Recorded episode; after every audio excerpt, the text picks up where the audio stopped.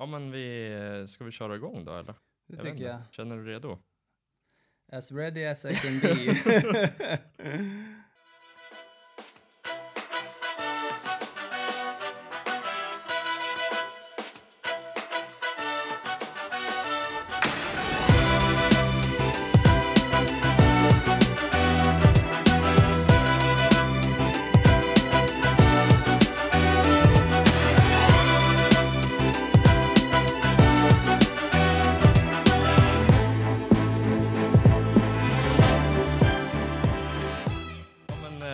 säger vi hej och varmt välkommen till Snöskoterpodden, första avsnittet. Och då sitter vi här med Erik Nordström, det är alltså grundare av Jetwear.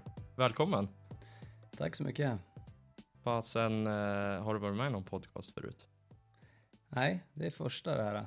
Ja, nej men jag har faktiskt inte heller varit med i någon förut, så att om det går åt helvete, då är det bådas fel. Kan Ja. vi komma överens om det? Ja, det låter bra. Eh, vi kanske ska berätta vart vi är någonstans just nu. Eh, vi sitter ju här uppe i Saxnäs på Saxnäsgården och har varit med på Sledtracks photoshoot idag. Eh, hur skulle du beskriva den här arbetsdagen som det har varit? Ja, men det har varit en härlig dag. Vi har ju fått vara ute på fjället eh, och i skogen hela dagen. Skönt gäng. Eh, Ja, men det har varit ett bra upplägg på hela Sled Tracks photoshoot. Det känns som att det har kunnat inkludera alla. Man har inte behövt vara proffs på något sätt för att vara med. Så det har varit ett eh, bra upplägg. Sen lite kul med samlingen vid lunch idag också tycker jag. Samla ihop allihopa och en superhärlig lunch där vid Lill Monkeys. Och eh, ja, så middag och det ikväll då. Vad bjöds du på då till lunch? Chili con carne. Saft och så kaffe och muffins till efterrätt. Så det var en riktigt kung. Låter som en riktig jäkla skoteråkarlunch. Ja, det var det helt klart. Skulle du säga att det här är en vanlig fredag om man jobbar på Jetwear? Är det att man tar liksom en dag ledigt och sen sticker iväg och åker skoter och Nej, jag önskar väl att det var så och i min vision så är det nog så i huvudet att det skulle vara mer fredagar som man kunde checka ut och sticka iväg och åka snöskoter eller vara med på något event och så. Men försöker i den mån det går, men jag tycker fortfarande att det blir lite för lite. vad åker du för skoter? Jag kör en Skido Summit 850 165. 165 alltså. Det, det är ganska långt för att vara i Sverige. Ja men det är ju det och nu fick jag ju höra häromdagen att eh, det, var, det, är, det är lite gubbigt att köra liksom 165 eller där omkring. Det är perfekt om du vill montera någon packlåda eller? Så nu känner jag ju att jag borde, måste byta ner mig här i framtiden till lite kortare så att man är, så att man är med i matchen. Men du har, du har ju sagt när jag pratade med dig förut att du kompenserar för att du är dålig på att köra. Ja, men lite så har det väl varit. Jag, jag har ju till och med varit uppe och, och haft 174 på den tiden när den kom. Eh, riktigt lång maskin. Nej, men eh, första liksom riktigt eh, lösnökörningen som jag var med om var ju borta i Kanada med, på Carl Custers ställe där. Och då fick vi ju prova både 165 och 174. Och eh, sen när jag kom hem så fastnade jag för lite längre maskiner. Och det har väl lite grann med att göra att jag tycker att man kan göra saker och ting lite långsammare och ändå inte, ja, och ändå komma vidare. Du har ju råd att göra misstag om du har en 174. Ja, lite så är det väl. Ja, äh, det är ju fan perfekt. Vi kan ju komma överens om att du verkar ju ha ett onekligen väldigt roligt jobb. Eh, men eh, vem är Erik Nordström mer i detalj? Ja, Erik Nordström, han är född 1980 och fyller 39 år i år. Eh, född och uppvuxen i Östersund. Eh, har spenderat ett par år utomlands med min familj. I Skottland när jag var liten, 86 och 97 när jag bodde i Singapore ett år. Med min, ja, mina föräldrar och mina syskon. Men annars så har jag kretsat kring Östersund och ja, bott och gått i skola där. Och idag så, eh, sen tio år tillbaka så träffade jag min sambo som jag dessutom gifte mig med i år. Se där. Eh, första november i höst. Och eh, vi har två fantastiska barn tillsammans som heter Odin och Ilse. Och Odin kom 2013 eh, och han är fem år gammal alltså. Vänta, bara som en liten detalj där. Har inte ni en, har inte Jetwear en barnoverall som heter Odin också? Det stämmer. Odin och Olivia. Så där, hon drar kopplingar. Jajamän. Och eh, Ilse är tre och ett halvt år gammal. Så ja, vi bor i Östersund nu i en villa och har lite familj tillsammans och trivs väldigt bra. Vart, vart jobbar du då i Östersund? Jobbar du nära där du bor eller? Ja, jag jobbar nära där jag bor. Eh, vi, eh, vi bor ju i, ja, inte i stadscentrum om man säger så, men precis strax utanför ett område som heter Marielund, nedanför travet i Östersund, om, om folk vet vart det är någonstans. En gammal 20-talsvilla med stor tomt och eh, kontoret Extra Evil Distribution Headquarters ligger ju då uh, i Torvalla i en gammal ICA-butik faktiskt. Eh, så vi har 500 kvadrat där, där vi har flyttat in 2008 och då bestod ju byggnaden av eh, hälften av lager och hälften av kontor och showroom. Eh, men i takt med att vi har vuxit så har vi byggt ut mer kontor och eh, konferensrum och designrum och större showroom och så vidare. Så idag har lagret flyttat ner på Barngårdsgatan. Så att, eh, men kontoret och, och verksamheten i övrigt som helhet ligger kvar i, i Torvalla då, gamla ICA-stuten som det heter. Okej, så att allting liksom styrs ifrån Torvalla och sen så har ni lager på Bangårdsgatan där ni sen skickar till hela Norden då och även Kanada nu för tiden, eller? Ja, det stämmer väl ganska väl. Mycket idag till de andra länderna så um, köper ju de via dropshipment och då plockar de ju upp godset själv när det är klart vid fabrikerna. Eh, och de flesta fabriker vi jobbar med ligger ju i Kina idag. Då. Just det. Men eh, nu jobbar du ju i skoterbranschen, men du har väl inte varit i skoterbranschen hela tiden? Nej, det har jag inte varit. Eh, jag har varit, jag skulle vilja säga, actionsportbranschen eh, hela tiden. Men snöskoter, personligen så kom jag in på det 2009 och 2013 grundades ju Jetwear. Men eh, jag har jobbat med eh, Extra Evil Distribution som är företaget som ligger bakom Jetwear. Eh, har jag jobbat inom sedan början på 2000. Eh, och då var det ju, jag, min bakgrund är ju egentligen från en passion inom brädsport. Så min bakgrund är snowboard, skateboard, wakeboard och surfing. Men har du jobbat med det då eller? Ja, eh, Eh, det har jag gjort. Vi har ju varit en klassisk distributionsfirma, eller är ju fortfarande, och, och eh, distribuerade mycket snowboardmärken i, i Sverige eh, på den tiden. Och gör väl till viss del fortfarande, och även vattensportvarumärken. Så det hela började ju med Dragon som ett glasögonmärke som vi har hållit på med i över 20 år. Det var det första varumärket vi tog in i Sverige och eh, allting har väl styrts egentligen vad det gäller affärer och utveckling efter intresse. Eh, det var ju aldrig tanken från början att det skulle bli ett företag. Det var ju mer bara för att finansiera sina fritidsintressen egentligen.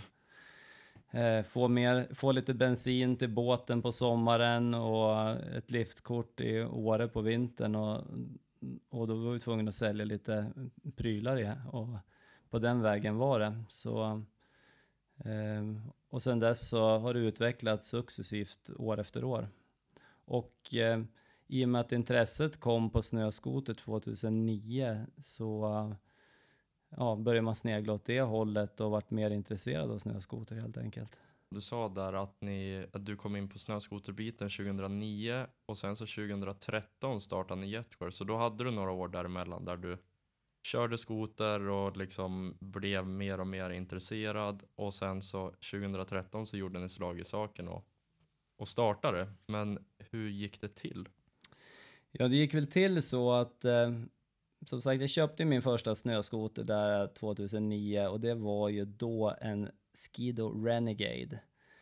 Eh, E-Tech 600 när den lanserades. Riktig värsting. Ja, och redan då så vart jag ju trackad av kompisar att ja men du ska köra långmaskin du sa de.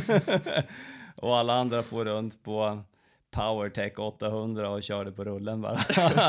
men, eh, men jag var en passionerad lösnöåkare redan då. Nej men så att vi var ett gäng kompisar som började åka mycket snöskoter i början på 2009. Um, och uh, i och med att vi har jobbat med Dragon länge så hade vi ju distribution på snöskotergoggles mot ja, snöskoterbutiker i Sverige. Som ett ben i vår verksamhet helt enkelt.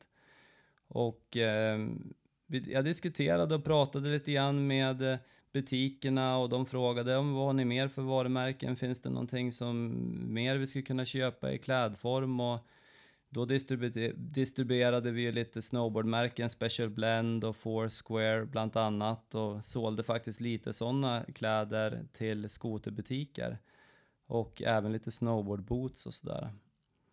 Eh, och friåkningen började ju komma igång mer och mer på allvar då. Eh, och egentligen den, det enda varumärket som fanns i branschen som gjorde liksom ett, ett bra seriöst jobb och, och bygga eh, friåkning och produkter åt det hållet eh, var ju To Be. Eh, så att vi tittade väl och såg att ja, de, de gör ett jättebra jobb men det finns kanske ett, eh, en lucka till att eh, komma in här och göra någonting mer och vi såg lite grann på skid och snowboardbranschen hur den utvecklades och, och utvecklingen där var ju mer och mer att man ville ha bra funktionskläder som såg bra ut, som fungerade bra, men som inte kostade skjortan.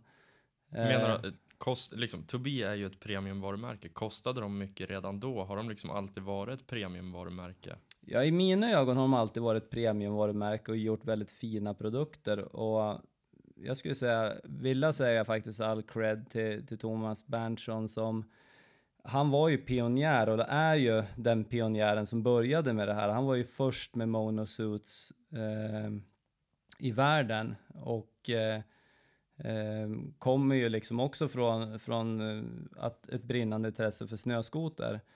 Så eh, vi såg väl egentligen en lucka i marknaden och tror att det här kommer växa, det här kommer bli större och vi, vi tror att folk, precis som inom snowboard och, och, skate, eller snowboard och skidåkning, kommer vara intresserade av att kunna köpa en, en bra produkt men till ett lite eh, mer prisvärt pris eller vad man ska säga så att man har råd att, att byta lite grann säsong efter säsong också. Vad gick ni in på då, då prismässigt? Då gick vi in på att vi gjorde en overall som låg i 3000 kronors klassen tror jag, 3 3 och halvt. Och eh, på den tiden så tror jag att Tobii låg kanske någonstans i 6 6 och halvt. Så tanken var inte att konkurrera med dem utan var ett mer ett komplement till de som kanske gärna skulle vilja ha en overall med schyssta funktioner och, och en snygg design och, och härliga färger. Eh, men till ett pris som passade deras plånbok.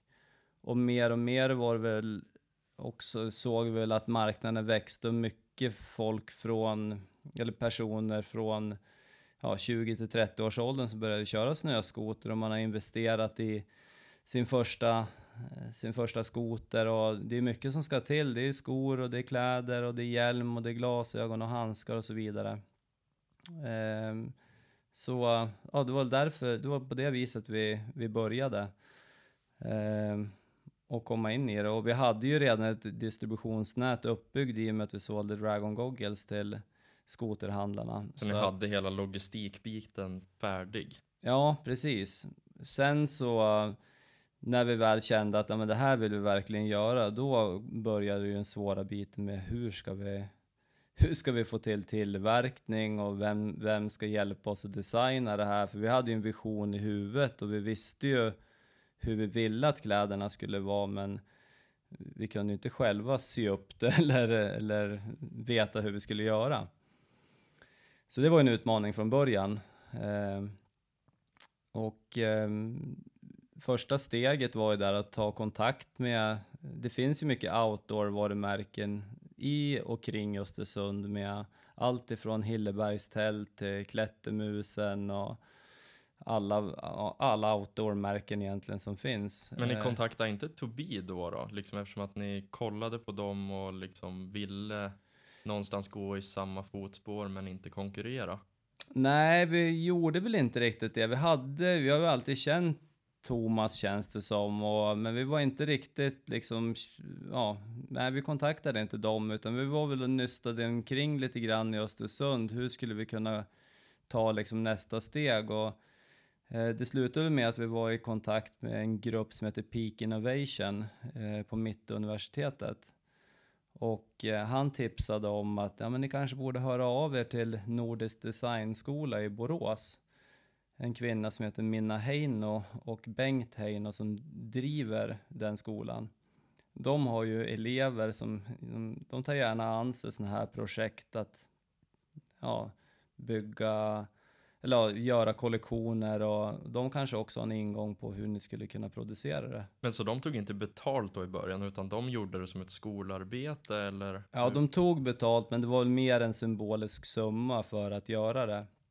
Så sagt och gjort så tog vi egentligen bara upp telefonen och ringde till dem och förklarade vilka vi var och vad vi ville göra för någonting, vad vår vision var med det hela. Vi ville göra en liten eh, kollektion på outerwear som var inriktat mot snöskoter och eh, om de kunde hjälpa oss med det.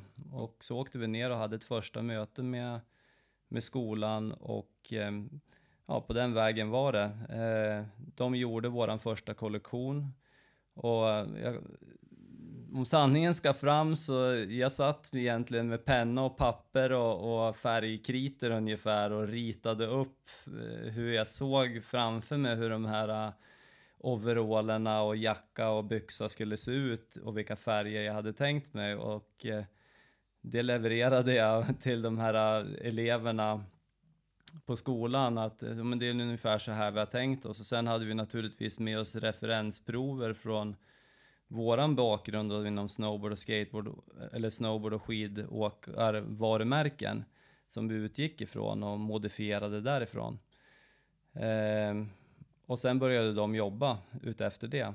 Okej, så man kan säga så att du designade första kollektionen men du har ingen bakgrund inom designarbete? Nej, det har jag absolut inte. Absolut inte, men betoning på absolut. Nej, det har jag inte, utan det var eh, till stor del liksom med hjälp av de eleverna på, på skolan. Och eh, när vi var i kontakt med dem så fick vi också eh, lite känningar eller kontakt med en tillverkare som, som var svensk och som jobbade halva tiden i eh, Sverige och halva tiden i Kina och hade fabriker som han jobbade med och producerade åt andra stora varumärken där borta. Så vi träffade han och förklarade våran idé och vision och han sa att ja, men vi kan hjälpa er att tillverka det här och göra de här grejerna.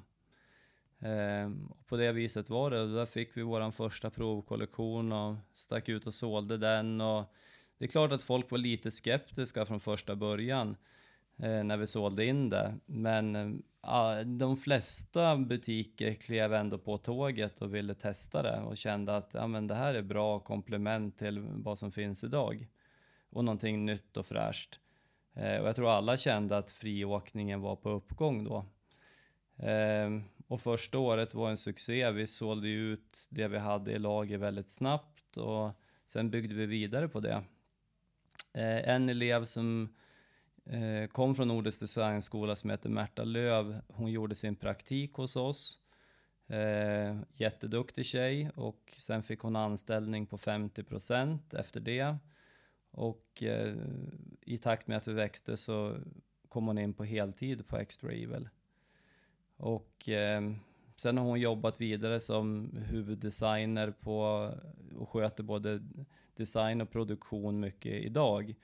Och vi har en annan tjej som har kommit samma väg från Nordisk Designskola som också gjorde sin praktik, som också har ett brinnande intresse för snöskoter och eh, gjorde också sin praktik och sen kom in på 50% och 100%. Hon heter Janine Romby.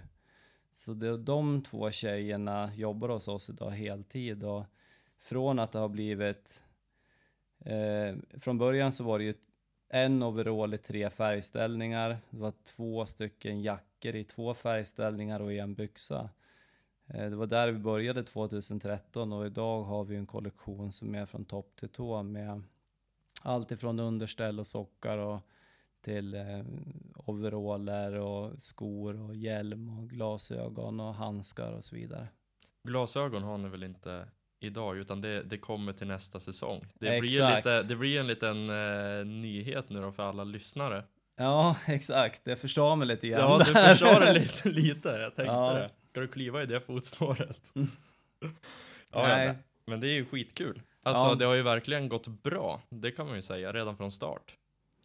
Jo, men det har det gjort. Vi har, vi har haft eh, bra vind i seglen och eh, samtidigt så har vi varit väldigt försiktiga och tagit det steg för steg och branschen har ju ändrats de, de här åren som har gått också.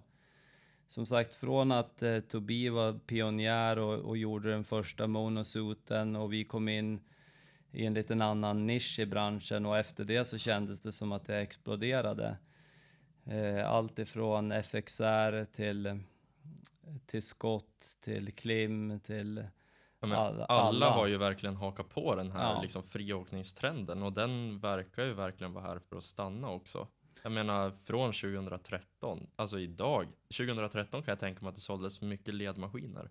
Men idag säljs det ju nästan inga ledmaskiner. Det är i princip bara lössnö och friåkning det är fokus på. Ja, det är det och jag tror också att branschen har ändrats från att eh, om man går tillbaks, man behöver inte gå så jättemånga år tillbaka från att då la man liksom sin budget och sina pengar på maskinen och idag så är det så mycket mer runt omkring. Man vill ha en bra utrustning från topp till tå och det är viktigt liksom bara både med kläder och hjälm och glasögon och, och handskar och så vidare till även eftermarknadsprodukter på maskinen. Så att eh, det ser annorlunda ut idag än vad det, än vad det gjorde tidigare. Tror du inte att det kan ha att göra också med sociala medier? För det kom ju in egentligen i samma veva. Runt 2013 så vart ju det väldigt populärt och man kunde följa stora skoterprofiler och man kunde liksom, ja men liksom se hur andra klär sig och det blir helt enkelt viktigare hur man ser ut. Jag menar medical kit med lackade front och bakbågar och allt möjligt sånt där. Absolut, det har det ju gjort. Det går ju mycket fortare idag och trenderna går mycket fortare och det går for, eh, än vad det gjorde tidigare tack vare sociala medier. Någonting jag har funderat på, eh, det är vad det kostar att starta ett varumärke. Jag tänker så här, skor har jag hört är skitdyrt att tillverka, liksom när du ska ha gjutformar till sulor och allt sånt där. Nu börjar inte ni med skor, men någonstans, en overall är ju inte gratis att tillverka. Om den ska säljas ut till kund för liksom 4000 så det är, ja, ert inpris är ju någonstans ja, runt tusenlappen kanske. Eh, och man måste ju ändå ha ett bra, en, en bra volym till att börja med och då är det helt plötsligt ganska mycket pengar man ska ut med. Liksom, vad, vad kostade det från början att göra er första kollektion? Du sa där med både jacka, byxa, overall och Nej, men när, vi, när vi började och bestämde oss för att vi skulle göra det här så gjorde vi också en, en lite separat budget för projektet och fick även lite hjälp liksom för att göra det här. Vi gick lite kurser och ja, men gjorde faktiskt en affärsplan på ja, men vad, vad beräknar vi att sälja första året och vad är kostnaderna runt det hela. Eh, sen fick vi faktiskt hjälp också första året från Tillväxtverket som var med och supportade våran vision och idé. Och, eh, upplägget då, om jag inte missminner mig, var ju också att man satsade en viss del pengar själv så kunde man få stöd med en del av det, då, ungefär 50 upp till ett visst belopp. Eh, så att eh, i, i kronor och ören, nu kommer jag inte ihåg exakt vad det var, men Eh, det var inte jätte... Och sen när vi, i och med att vi jobbade med Nordisk Designskola och de eleverna där så man får ju försöka hålla det tight helt enkelt. Det är klart om du ska starta och köpa in en designer som du ska betala en månadslöner för att bygga kollektionen och sen eh, alla kostnader runt omkring. Men det går ju att starta litet och bygga det därifrån och det har väl varit Extra Evils och, och Jetvers vision hela tiden att vi måste ha råd att riska det vi gör. Ehm, jag känner att det var inget bra svar på frågan riktigt men eh, eh, när vi hade sytt upp kollektionen och, och, fått våra prover så gjorde vi också en väldigt ans kraftansträngning för att sälja in det och när vi hade sålt in det då visste vi i alla fall vad vi hade för ordervärde på färdiga ordrar. Och sen var vi ganska försiktiga i början och la ganska lite på lager eh, för att vara säker på att få liksom en return of investment som man säger. Hur kändes det då, då när ni fick era första kunder? Liksom från att ha designat med liksom studenter på en skola, liksom din vision på ett skissblock, bara så här vill jag ha det, till att ni faktiskt ser att folk vill ha det här. Det börjar bli liksom populärt, vi säljer slut, liksom, det måste ha varit en jätterolig känsla. Det var det, det var en jättehärlig känsla och um, man var ju glad och stolt över det man hade fått till. Eh, samtidigt så bor ju någonstans en liten surjämte inom en som alltid är sådär att ja, men man ser, det är lätt att man ser eh, bristerna och vad man kunde ha gjort bättre och hur man kunde ha eh, sålt mer eller tjänat mer och, och då blickar man ju framåt och vill ta nästa steg och nästa steg och det är väl kanske därför man har klarat av att växa inom branschen också, för man har alltid en vision om att, att komma en bit till. Men eh, visst var det en, en, en glädje och en stolthet över att få till då att det faktiskt sålde ut till slutkund också. Och än idag så är det ju kul att se när man när vi stod på isen idag och alla skulle dra iväg och man ser någon som står med en av våra hjälmar på sig eller Det var ju inte bara en person utan det var ju väldigt många personer som hade Jetwear-grejer på sig. Både handskar, overaller och hjälmar och allt möjligt. Ja, och det är kul. Det värmer ju i hjärtat och så det är roligt. Och jag ser ju våra kollegor eller slash konkurrenter eller vad man ska säga. Jag tror att det är bra för branschen att det finns många olika varumärken som man nischar in sig och har sin grej och är duktig på sitt sätt. Eh, det gör också att alla kommer lite grann på tårna och måste producera och göra bättre saker hela tiden. Ja men så är det ju verkligen. Och det känns ju som att ni ändå har en väldigt bra relation med varandra. För jag tänker, det är nog ganska lätt om man kollar på Nike och Adidas, de kanske inte har en jättebra relation, men det känns ju som att du och FXR och Tobin, ni liksom pratar ju och är glada när ni ses. Ja, men så är det, absolut. Jag menar, jag har varit eh, på Rovaniemi-mässan, eh, skotermässan i, i höstas, och eh, stod jag liksom i, vart inbjuden i Tobis monter och vi drack lite glögg och 509 från USA kom in och vi stod och diskuterade lite grann och eh, jag var över och pratade med Per på FXR och igår åt jag, i förrgår åt jag middag med Jocke på Climb och nej, så att vi, även om vi till viss del är konkurrenter så tror jag att vi alla känner att vi tjänar på att ha liksom en bra kontakt med varandra och, och försöka naturligtvis göra det bästa vi kan för vårt eget varumärke men jag känner i alla fall ingen rivalitet mellan oss på något sätt utan mer att vi försöker hjälpas åt att bygga branschen. På så sätt är det ju en väldigt, väldigt fin bransch att jobba i. Det känns ju liksom roligt i den här branschen att det är så. Det är ju inte, ja men liksom alla är glada över över varandras framgång och att man liksom hjälper varandra som du säger. Ja, nej, men det är min känsla också. Över, så det är kul. Det är, ju, det är ju liksom en ganska liten bransch, men det håller ju på att bli mycket större. Eh, jag menar, jag tror ju det. Vi var inne på sociala medier där och hela den biten med att man följer folk, man blir sugen på att köra. Eh, allt sånt, det bygger ju verkligen branschen. Det blir ju större och större och det säljs mer och mer maskiner, det säljs mer och mer grejer för varje år som går. Ja, det gör det. Och sen eh, de här eventen, till exempel det vi är på idag. Eh, men det finns otroligt många event som, som händer under hela året som, som eh, företag eller varumärken ligger bakom, men även enskilda personer. Eh, något som är kul tycker jag är ju att eh, tjejbranschen har ju vuxit väldigt mycket och det är väldigt mycket, ja nästa vecka är ju XX Freeride Ja, just det. eventet och jag tror att ja, det finns ju många tjejevent som, som dras ihop och ännu mer idag tror jag än tidigare att folk reser runt omkring för att eh, vara med på den här typen av event. Det såg vi ju här när de startade igår, det, var ju, det är folk från Norge som har kommit hit som vill vara med och, och det bygger ju branschen också så att Ja, det är väldigt roligt. Det är ju, jag vet inte, det här XX Freerider som du, som du nämnde, jag vet inte hur många deltagare det är där nu bara rätt upp och ner, men om man kollar bilder från i fjol, det ser ju ut att vara, ja, i alla fall 50 pers.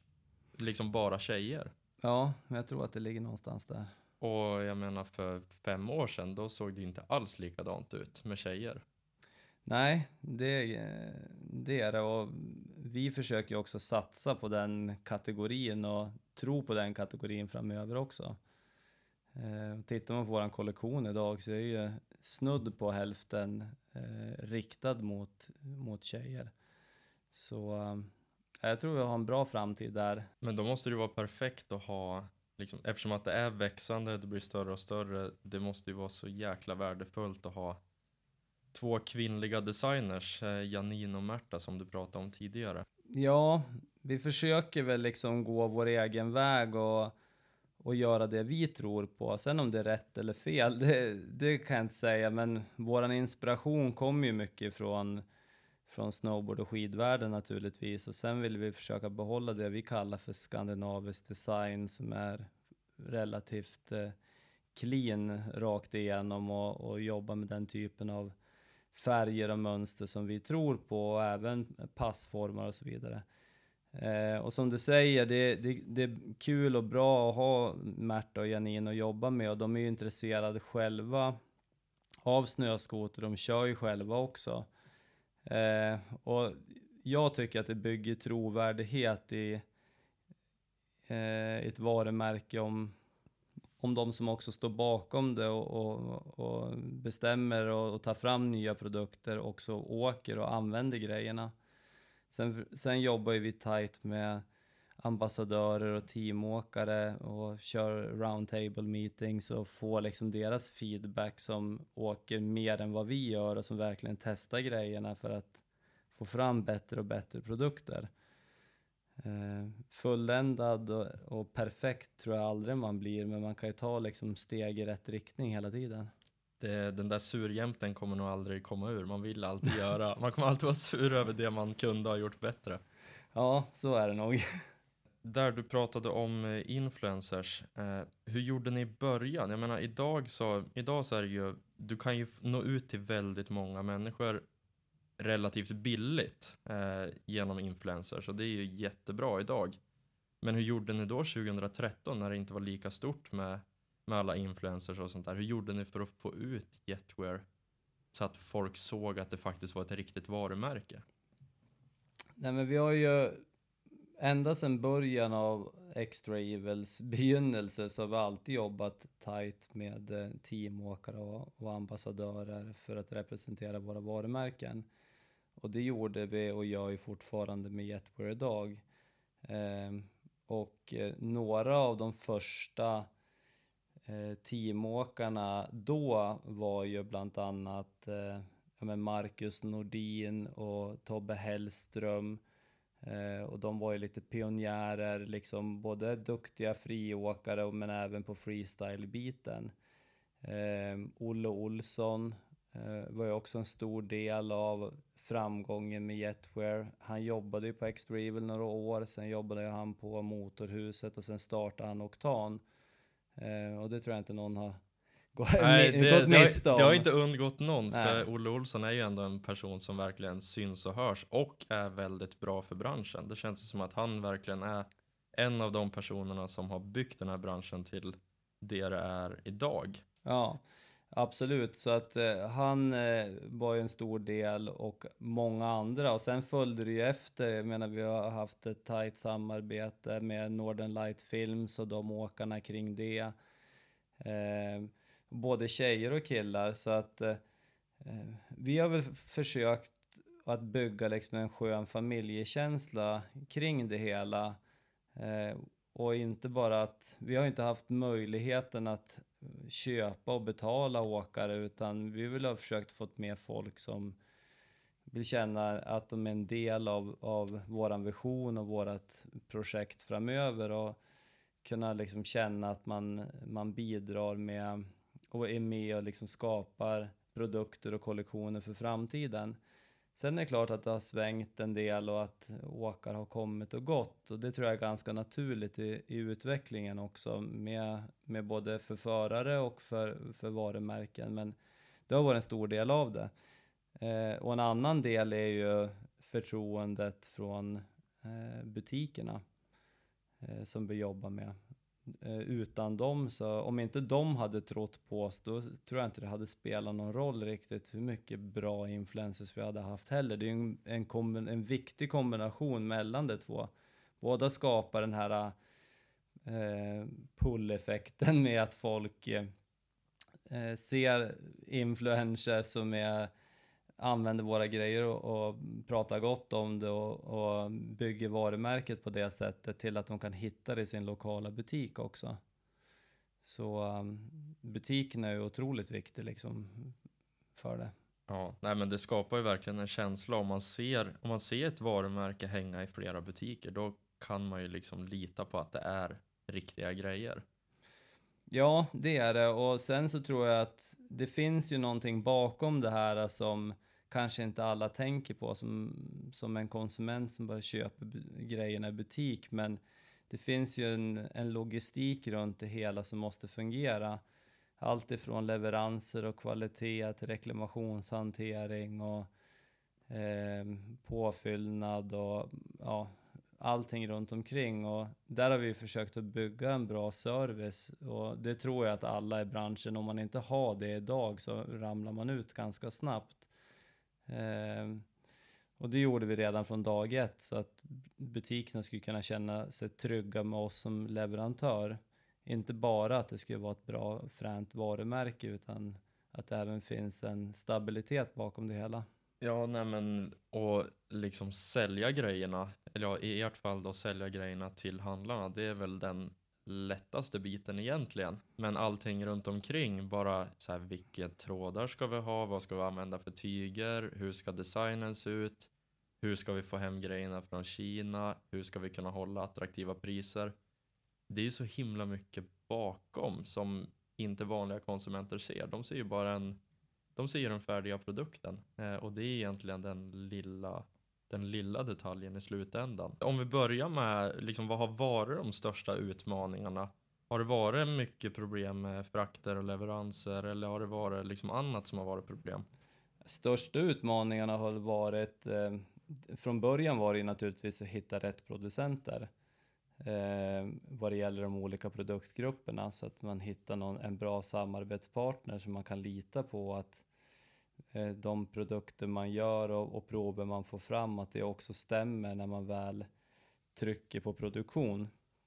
Och att det görs och tillverkas i tid och att det kommer på en båt i tid så att det kommer hem till oss i tid och vi kan leverera det i tid. Alla de sambanden naturligtvis. Sen har det varit en utmaning och är fortfarande en utmaning att nå ut på den internationella marknaden.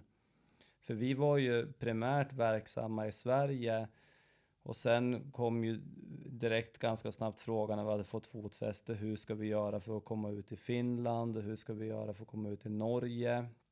Och testat lite olika vägar där. Och idag så står vi också med, eh, med den biten att vi säljer i, i Kanada och vill sälja i, i USA och i, i Ryssland. Så att eh, det är ju verkligen en framtida, en framtida utmaning då att sälja till alla andra liksom, kontinenter. Och... Ja, det är det. Och hitta ett sätt som fungerar för alla parter. Och, och där är, det ju också, eh, det fungerar ju, alltså alla marknader ser ju olika ut. Och det har man ju ganska det har ju varit en stor utmaning och är en stor utmaning. Som man inser när vi börjar sälja till exempel till Kanada att man tänker att ja, men så här funkar det i Sverige och det är relativt likt i Norge och Finland. Men helt plötsligt så upptäcker man att eh, Kanada är ett jättestort land som, som har snöskoteråkning som ser helt annorlunda ut på västkusten mot östkusten till exempel. Och där våran kollektion, när vi introducerade, inte var superanpassad för varken väst eller öst. Och det har vi försökt att adaptera liksom och, och skapa en kollektion som även ska funka för dem och även funka för till exempel Ryssland. Eh, och det är skillnaden mot det skandinaviska. Den, den klassiska snöskoterkunden ser annorlunda ut där borta än vad den gör här i mångt och mycket. Ja men det, det, så är det ju verkligen. Och det säger ju Tobi också att det är ju liksom, de har ju helt andra krav där borta och det är, det är ju som alla vet också mycket mer snö och det ställer ju verkligen krav på funktion. Eh, så att jag kan ju tänka mig att det är, det är många bitar, dels funktionsmässigt och logistikmässigt för att USA och Kanada det är ju gigantiska avstånd. Ja, det är verkligen det. Och när vi träffade, nu jobbar ju vi med ett företag som heter Kimpex som, som är distributör i Kanada för jetware och som är verksam över hela Kanada. Och de har 32 säljare.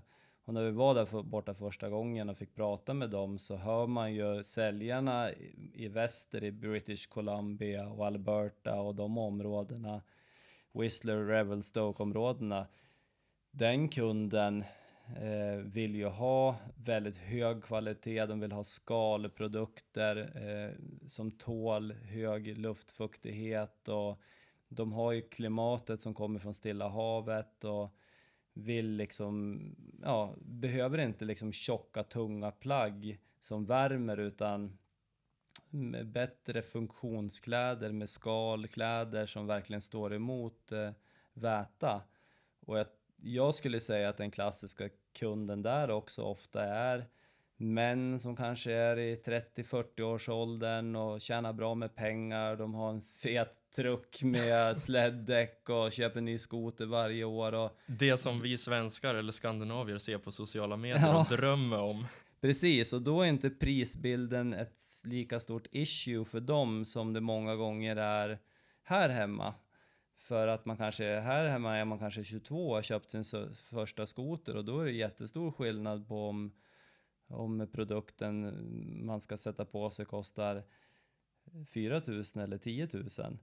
Eh, men om man återgår till Kanada och har det östkusten, där åker de ju väldigt mycket mer trailriding och det, deras leder ser ju ut som en autobahn liksom. Och säljarna och, och, konsumenten där efterfrågar, men hur tjockt är ert foder och hur är vindtätheten istället för eh, ventilationen. I Ventilation och skalprodukter var ju de helt ointresserade av att titta på ens en gång eller prata om, utan det var bara eh, hur, tjock, hur tjocka och varma är era kläder och hur vindtäta är de?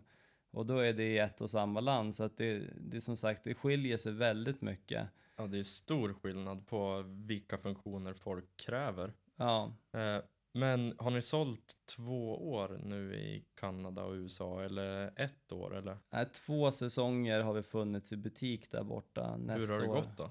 Det har gått väldigt bra. Eh, vi är fortfarande små med tanke på vad potentialen är där borta.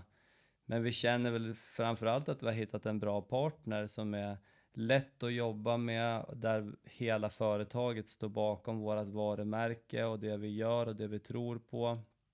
Och det känner vi är viktigt.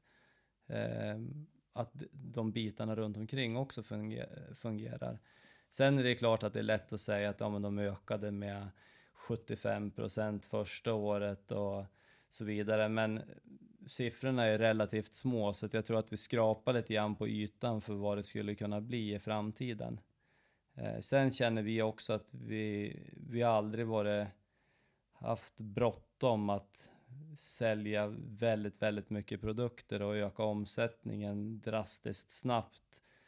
Eh, utan vi tar det liksom steg för steg och vi känner oss bekväm med det vi bygger upp och det får ta den tid det tar och vi tycker också att det är viktigt att ha med sig liksom lönsamhet i det vi gör så att vi kan återinvestera det i varumärket. Just det där med lönsamhet, det, det tänkte jag faktiskt fråga om. Eh, du har jobbat på Extra Evil sen när då? Du, du började jobba 2002 eller något sånt? Ja. Och sen så, och sen så eh, köpte du in dig i Extra Evil, så du vart ägare av Extra Evil 2008. Ja, det stämmer. Eh, vad är dina tips för att lyckas som företagare och då behålla lönsamheten? Eh, jag tror... Det känns ju som att man kanske kan bli, man, liksom säljsuget kanske kan ta över hjärnan lite grann. Om man märker att ja, men om vi gör så här så säljer vi hur mycket som helst. Men någonstans så gäller det ju ändå att ha en, en hälsosam affär. Jag menar, det ska ju finnas pengar i varje såld enhet. Så hur ska man tänka långsiktigt?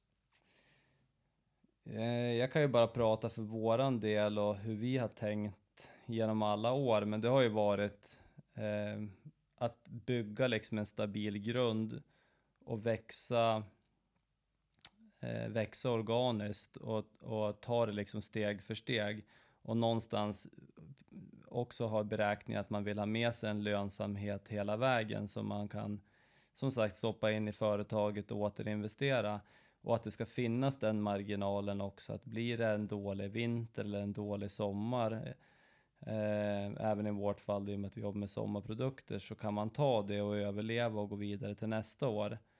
Eh, sen har vi ju faktumet med att valutakursen i och med att vi köper mycket i, ja i princip allt köper vi ju dollar idag och den eh, springer ju upp och ner lite grann som den vill om vi tittar på en tioårscykel. Och det drabbar ju lönsamheten också. Så att jag tror nyckeln är att man, var och en ska göra det man är bra på på ett företag. Eh, och att man ska våga satsa så pass mycket som man också har råd att förlora och, satsa, och, och, bygga liksom relationer kring, kring sälj och marknadsföring så att man har en, en attraktiv produkt och verkligen tänka igenom och inte ha för bråttom. Det låter ju väldigt sunt. Eh, jag frågar faktiskt lite folk i din eh, bekantskapskrets eh, hur du är som person. Och de flesta säger att du, du jobbar jäkligt hårt med det du ger dig in på. Hur ser du på ett jobb i allmänhet? Liksom, eh, hur mycket tid får det ta? Ja, eh... det, det tar ju väldigt mycket tid och har gjort. Eh, och hade jag inte skaffat eh, sambo och barn så tror jag att jag hade nog inte haft något problem att jobba ihjäl mig heller. Nej, alltså en eh. del företagare verkar ju jobba, ja men de jobbar ju som du säger ihjäl sig. De verkar jobba dygnet runt. Ja, och tycker man någonting är roligt och man brinner för det så blir det väldigt lätt att det springer iväg och man vill skapa mer och mer och mer eh, runt omkring det. Och när det är ett, ett eget företag och ett eget varumärke och jag tror många egna företagare känner igen sig i det så blir det lätt att man Eh, få tunnelseende och man ska bara nå nästa nivå, nästa nivå, nästa nivå hela tiden. Eh, och jag vet inte om jag har blivit äldre och klokare eller inte, men jag, jag försöker väl att eh, tänka att det finns någonting annat också som är väldigt viktigt. Och eh, i mitt fall så handlar det mycket om, om familjen såklart och eh, fritiden utanför jobbet och, och att man måste tänka liksom på sin hälsa, att man, eh, jag vill ju jobba hela livet och det finns ju alltid en risk att man bränner ut sig, att man, att man jobbar för hårt liksom och att man tar koll på sig själv till slut. Ja, alltså även om det är roligt och att man har passion för det man gör så jobbar man för hårt för länge så kommer det någonstans slå tillbaka. Eh, men det är ju väldigt viktigt att man tycker att det är roligt. Ja, det är den där klassiska balansen man pratar om och någonstans så försöker jag komma tillbaks till hela tiden att när, när Extra Evil grundades från början så hade det egentligen bara att göra med att det skulle vara en finansiering för sitt fritidsintresse och att man skulle ha roligt hela tiden och alldeles i början så kunde vi fortfarande sätta en skylt på dörren, stängt, idag snöar det, stängt, vi är i Åre och åker snowboard ungefär. Fy fasen vad roligt. Eh, och än idag försöker jag ta vara på att ha det verkligen, ser man att det kommer snöa riktigt mycket under veckan, försöka pussla ihop det så att man kan jobba några kvällar och få fredagen ledigt och sticka iväg och göra det som man verkligen älskar och brinner för. Eller kanske tajma in och göra lite marknadsföringsbilder eller något sånt där. Ja, precis. Så uh, man ska inte glömma varför man började med det här från början och, och det tror jag är viktigt för alla företagare och varumärken att komma ihåg. Uh, har du någonsin liksom fokuserat på pengar eller har det varit passionen hela vägen? Uh, det har ju varit det, har, det är klart att det är väl en kombination. Jag skulle nog ljuga om jag skulle säga att det absolut inte har med pengar att göra överhuvudtaget. För det är klart att eh, gör man, driver man någonting som blir framgångsrikt och, och som blir lönsamt framför allt så får man ju en kickback av det i form av, av eh, pengar i regel. Många gånger.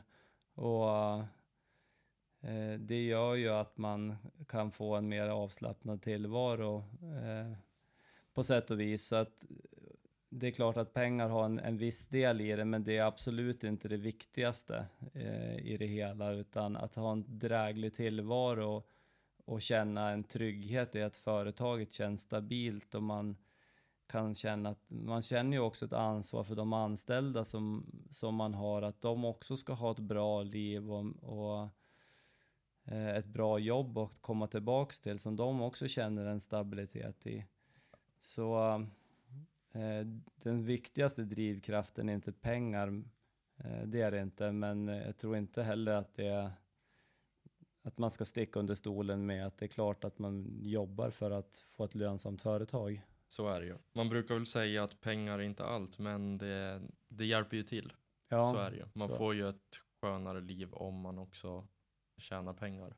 Vi kan ju egentligen summera allting som att hela jetware har gått fantastiskt bra eh, ända sedan 2013. Vart tror du att ni är om tre år? Ja, jag hoppas eller tror att vi kommer, min realistiska tro är väl att eh, om tre år så har vi fått ett bra fäste på den nordamerikanska marknaden och den eh, ryska marknaden så att vi är liksom väl representerade på alla marknader eh, och har ett stabilt samarbete med alla partners i alla länder eh, och vi bygger det successivt därifrån. Eh, och jag tror att våran produktutveckling och, och eh, portfölj av produktgrupper har vuxit eh, ungefär i den takten som det har gjort hittills. Eh. Känns ju som att det, ni har en spännande resa framför er. Ja, men det har vi. Och eh, det är det som... Min största drivkraft är ju nog just det där att man vill känna att man utvecklas hela tiden och inte står och stampar på samma ställe. Den där surjämten, kunde alltid ha gjort det bättre. Exakt. Nej, men det, och det tror jag det är för många, att man vill känna att man, man kommer framåt eh, i det man gör. Så ja, det är väl det jag tror. Ja, spännande. Om man vill komma i kontakt med dig, hur gör man då? Då skickar man ett e-mail till mig, kort och gott. Och då på vilken mailadress? Då når man mig på erik med c at extravel.se eller så kan man mejla till info at jetwear.com eller info at. Proffsigt. Jag skulle vilja säga stort tack för att du tog dig tid att spela in det här, trots nu att vi är på en, eh, en annan resa egentligen. Men det var ju väldigt roligt att vi kunde sitta här och surra en stund. Hur tycker du att det har känts? Mm, jag tycker väl att det känns ganska bra. ganska bra?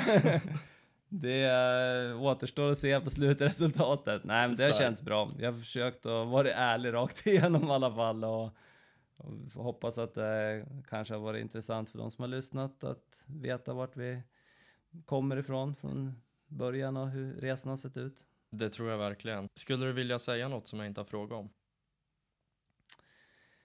Nej, jag, jag vill tacka mamma och pappa. Nej, precis. Jag skulle, helst, egentligen skulle jag egentligen bara vilja säga att eh, man är inte bättre än de personerna runt omkring en. Och det känner jag väl är viktigt liksom. Det, det teamet som finns på Extra Evil med Märta och Janin på design och Linn och Bin och Magnus och Annika. Eh, alla de är liksom viktiga människor för att driva det framåt. Allt ifrån eh, lager och administration till B2B och B2C-sidor är viktiga. Så det är väl det ena och det andra är väl alla kompisar och, och familj och vänner naturligtvis som har stått bakom en i vått och torrt när det har varit tufft och sådär men samtidigt också varit ambassadörer utåt för oss. Erik Nordström, eh, stort tack för att du var med. Tack själv.